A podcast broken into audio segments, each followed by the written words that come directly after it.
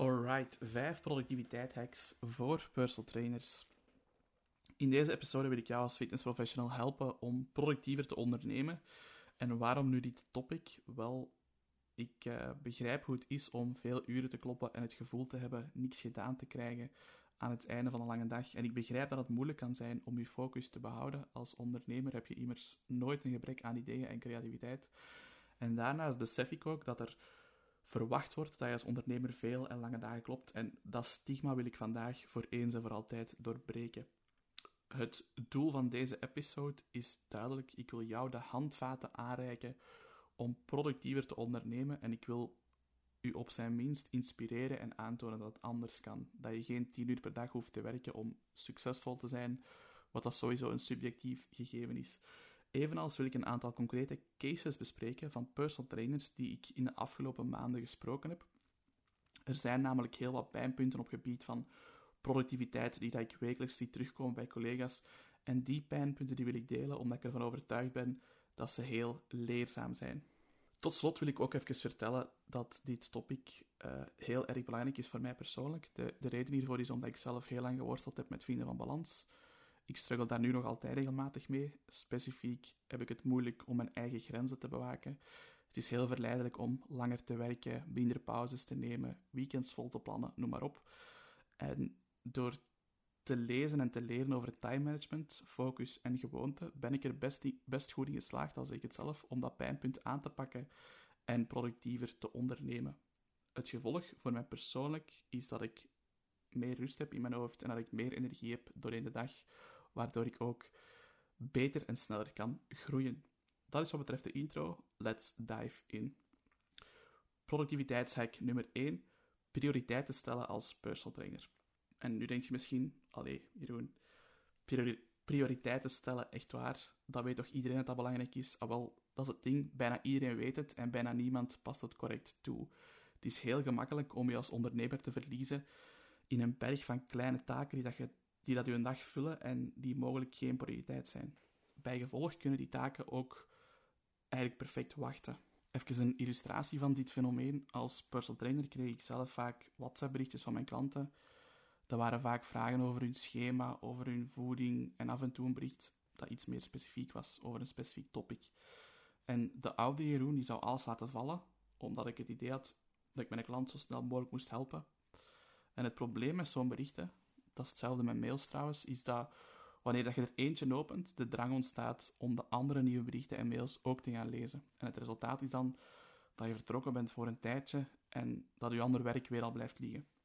Je klanten zijn belangrijk, dat is zo. Maar ook zij kunnen echt wel even wachten op de reply. Je kan hun verwachtingen ook bijsturen natuurlijk, door op voorhand duidelijk aan te geven dat ze binnen de 48 uur een antwoord mogen verwachten, of dat je op een vaste dag per week mails en berichten beantwoordt. Door duidelijk aan te geven dat je binnen 48 uur antwoordt, of op een vaste dag, kan je ervoor zorgen dat je een specifieke blok voorziet, dagelijks of wekelijks, om op die mails en op die berichten te antwoorden, waardoor je de rest van de week heel gefocust kunt doorwerken zonder u te laten afleiden. En zoals ik in de intro ook aangaf, een, een ondernemer heeft nooit gebrek aan ideeën. Bij een personal trainer is dat niet anders. Dat kom ik heel vaak tegen. Trainers die drie of vijf projecten tegelijkertijd hebben lopen, omdat ze in alles potentieel zien. En daar is aan zich niks mis mee. Je moogt experimenteren, ik moedig het zelfs aan. Maar als je grootste probleem een gebrek aan klanten is, dan zou ik die creativiteit even wegsteken in een donker kamertje achter slot en grendel. Want wanneer dat, het geval is, dan zou ik echt wel focussen op mijn marketing en mijn sales. Dat is dan eigenlijk prioriteit op dat moment. Aangezien uw eerste prioriteit als ondernemer, dat is uw facturen betalen iedere maand. En nieuwe programma's maken, een nieuw logo creëren, ehm, een webshop maken met, met, custom branded kledij, wat ik ook vaak zie, dat, dat is super leuk. Maar daar gaat je je rekeningen mee kunnen betalen. En die kledij verkopen, dat zal ook pas echt beginnen draaien als je klantenbestand groeit. Dus daar moet dus de focus liggen op je sales en je marketing wanneer je nog niet rondkomt en iedere maand de eindjes aan elkaar moet knopen. En een tool die je kan inzetten om voor jezelf duidelijk zicht te krijgen op wat dat echt belangrijk is en wat dan kan wachten, dat is het prioriteitenkwadrant van Eisenhower. Het kwadrant bestaat uit vier gebieden en het eerste kwadrant dat staat voor taken die belangrijk en dringend zijn. Dat zijn taken die dat je nu wilt doen die taken moeten op korte termijn af zijn en zijn heel belangrijk. Het tweede kwadrant dat staat voor taken die belangrijk zijn, maar niet dringend. In dit geval spreken we over opdrachten die dat we op lange termijn moeten afwerken. En hier is het nuttig om die al te gaan inplannen voor wanneer dat je die taken wilt gaan vervullen. Dus plant die al ergens in de toekomst in je agenda, dat je daar tijd voor vrijmaakt.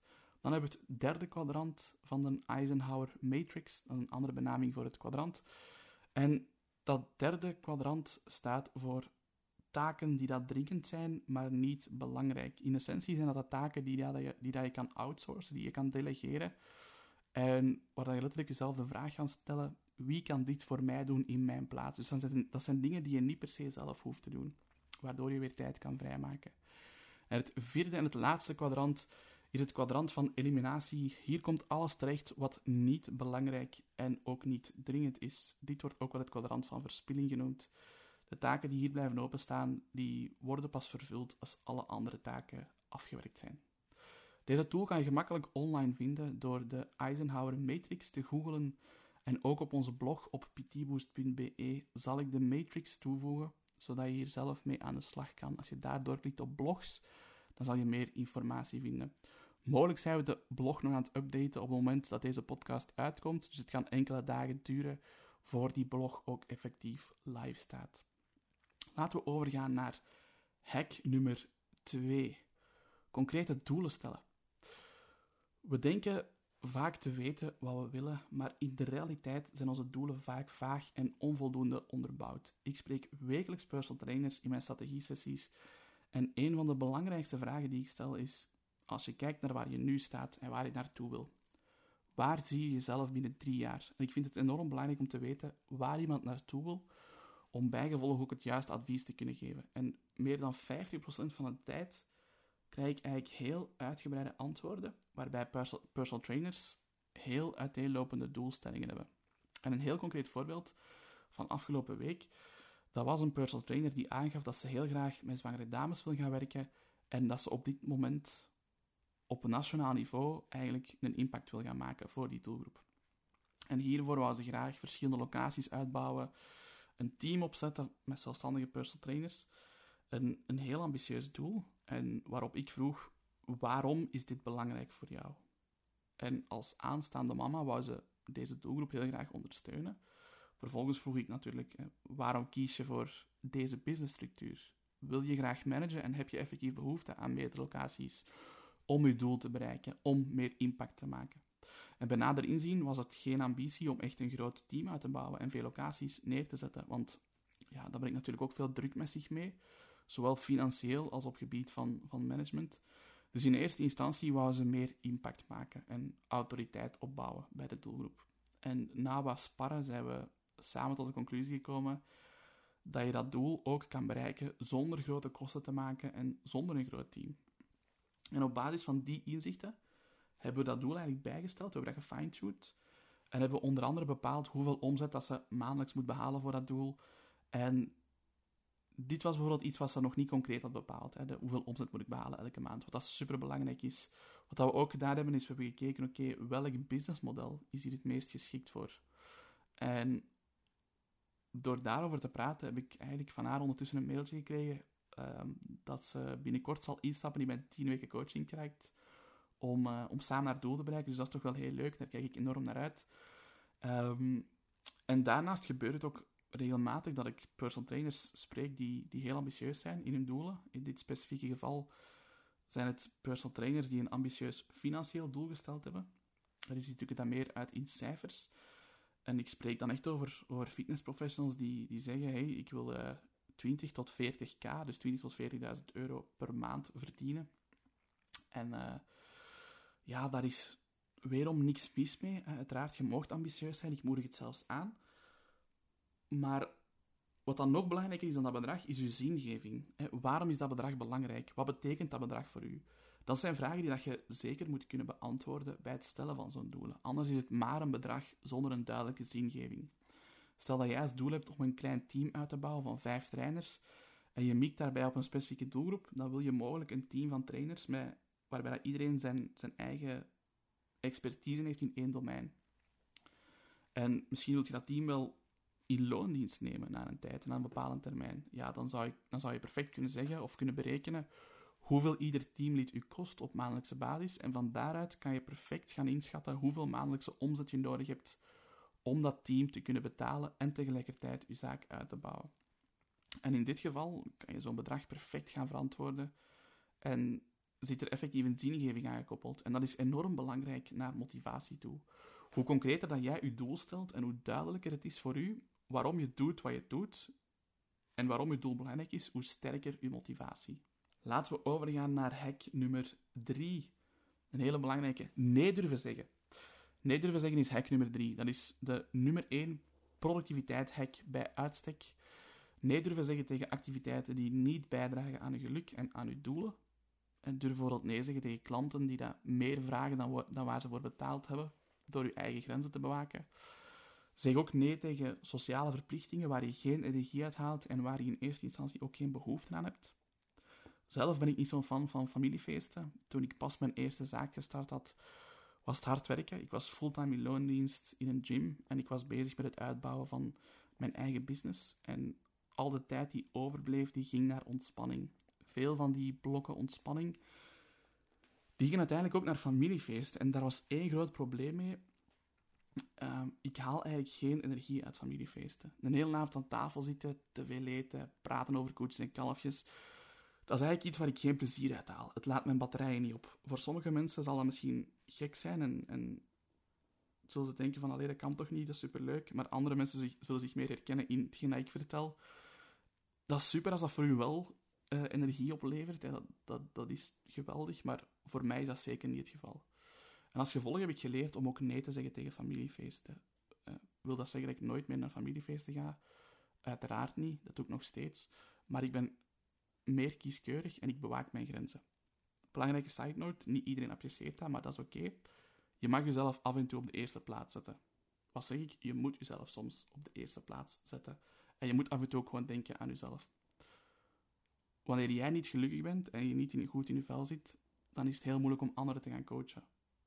Het nee durven zeggen gaat uiteraard niet alleen om sociale activiteiten. Het gaat ook om business. Durf soms nee te zeggen tegen nieuwe projecten. Wanneer ze niet aansluiten bij u overkoepelende missie. Zeg ook nee tegen samenwerkingen, wanneer dat de waarden van een partner bijvoorbeeld niet aansluiten bij de waarden van jouw business.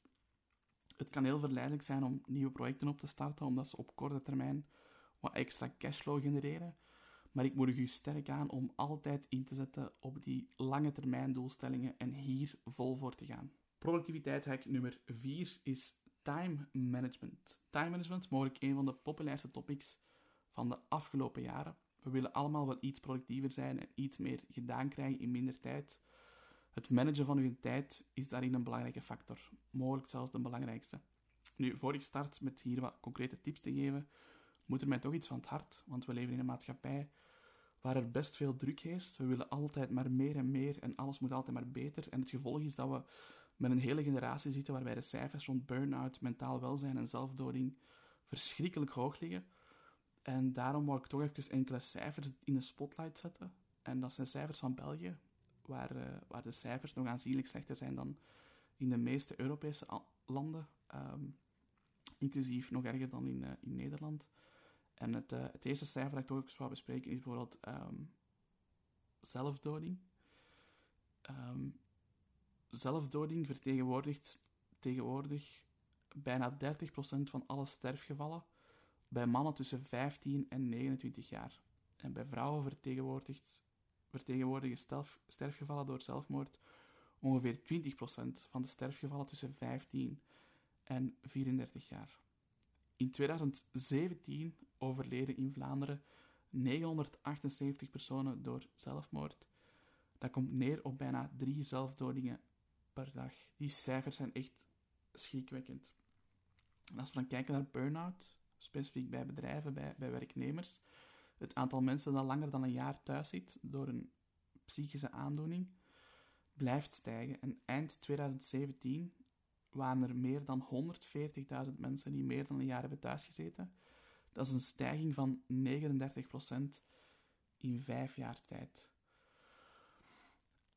Daarnaast zijn er ook heel wat cijfers uit de gezondheidszorg omtrent mentaal welzijn en geestelijke gezondheid. Hier zijn ook duidelijk indicaties dat het echt niet zo goed gaat. En ik hoop gewoon met die cijfers, uh, met deze episode een bepaalde bewustwording te creëren bij andere fitnessprofessionals, eh, bij andere personal trainers. Je mag ambitieus zijn, je mag hard werken, maar bewaak je grenzen en neem voldoende tijd voor jezelf. Laat die batterijen op tijd op en laat u niet meeslepen door die cultuur van steeds maar harder en harder werken. Je hoeft echt geen 12 uur per dag te kloppen om succes te boeken. Je hoeft niet ieder weekend te werken. Het is absoluut overbodig om altijd productief te zijn. Niet alles wat je doet moet in functie van je business of je klanten staan.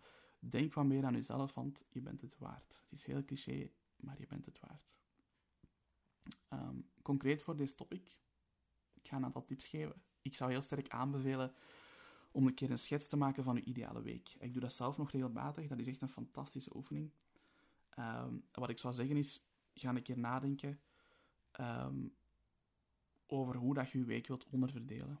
En ik heb hier enkele belangrijke blokken die ik daarvoor gebruik, die dat je misschien, of die je eigenlijk zo goed als zeker wilt opnemen als personal trainer. En een eerste blok die dat je wilt opnemen in je weekplanning, dat is een blok coaching. Coaching. Concreet wil coaching zeggen hoeveel uur per week wil je besteden aan het trainen en opvolgen van je klanten, zowel online als offline. En plan die blokken alvast in je agenda. Dan nog een bonus tip bij dit stukje coaching. Laat uw klanten afspraken inplannen op basis van uw agenda en niet omgekeerd, niet op basis van hun agenda. Dus jij bepaalt op voorhand welke blokken je wilt coachen en uw klanten kunnen op basis daarvan inplannen. Tweede blok, administratie. Afhankelijk van de omvang van uw business zal dat misschien goed meevallen qua tijdsinvestering, maar toch is het nuttig om dit op een vast moment in te plannen. Administratie is iets wat dat moet gebeuren en dat vaak bij wijze van spreken tussen de soep en de patatten gepland wordt en dat zorgt voor tijdsdruk en stress. Zaken die je makkelijk kan vermijden door het op tijd in te plannen. De derde blok, marketing. Marketing is een kernactiviteit, die moet je echt inplannen. Dat gaat dan voornamelijk over het creëren van content, uw wekelijkse social media posts, bijvoorbeeld uw podcast of het schrijven van uw blog, noem maar op.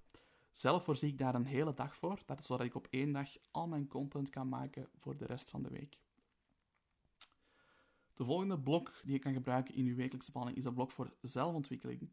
De wetenschap is daar heel duidelijk rond. Zelfontwikkeling is één van de pilaren die bijdragen aan geluk en zingeving. Je hebt er dus alle belang bij om wekelijks een aantal uren te investeren in jezelf. Bovendien houdt het je geest scherp en is het een interessante manier om ideeën op te doen voor uw wekelijkse content. Dan hebben we familie en vrienden, heel belangrijk. Tijd doorbrengen met uw naasten, dus familie, vrienden, uw partner, noem maar op, is een van de beste manieren om uw batterijen op te laden. Als mens hebben we sociaal contact nodig, zelfs wanneer je introvert bent. Sociaal contact geeft ons onder andere de mogelijkheid om te ventileren over bepaalde zaken die ons stress bezorgen.